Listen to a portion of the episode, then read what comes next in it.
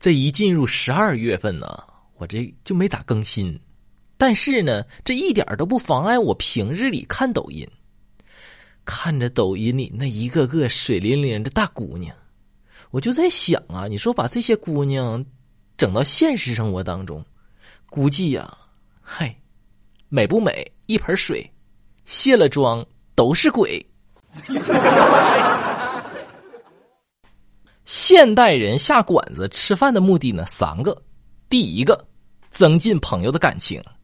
第二个吃给自己解馋，第三个拍给别人看。今天白天呢，我爸就有点不开心呢。我寻思我也不知道，但是我就安慰一下他们。我说：“爸呀，你别不开心啊！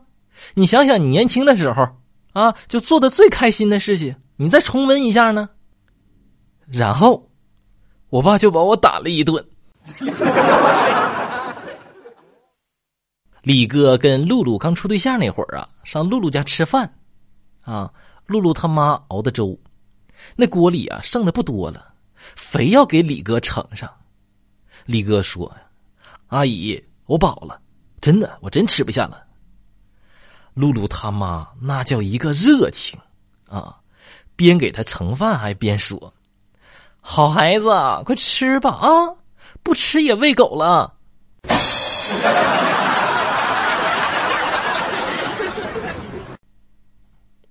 冰箱里的鸡蛋们一直平安无事，今天却被一只鸡蛋的惊叫声炸开了锅。哎呀妈呀！救命啊！西红柿来了！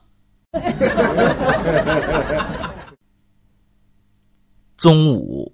在单位休息的时候啊，千万别忘记把手机给带走了。咋回事呢？今天中午我李哥就把那手机落在办公桌上给出去了，他媳妇露露就给来电话了，一个睡得迷糊的一个女同事就给接了。哎呀，你烦不烦呢？我们正在睡觉呢。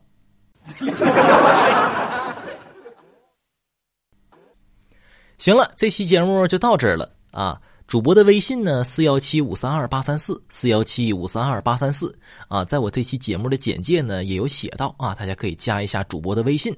然后呢，好久都没跟大家要评论什么点赞啥玩意儿的哈，也知道大家挺忙的啊。这到年根底下了哈，给大家留一个小话题啊，挺好玩的，就是呢，给自己取一个另类的名字，就是把你的姓儿放在头一位啊。把你星座的第一个字儿放在第二位，把你的属相啊放在第三位。你看我艺名叫东北，我呢姓姚啊，就你姚明的姚，然后加上这个星座，再加上属相啊，所以我最终的名字叫做姚天阳啊。在评论区里头打出你的新名字吧。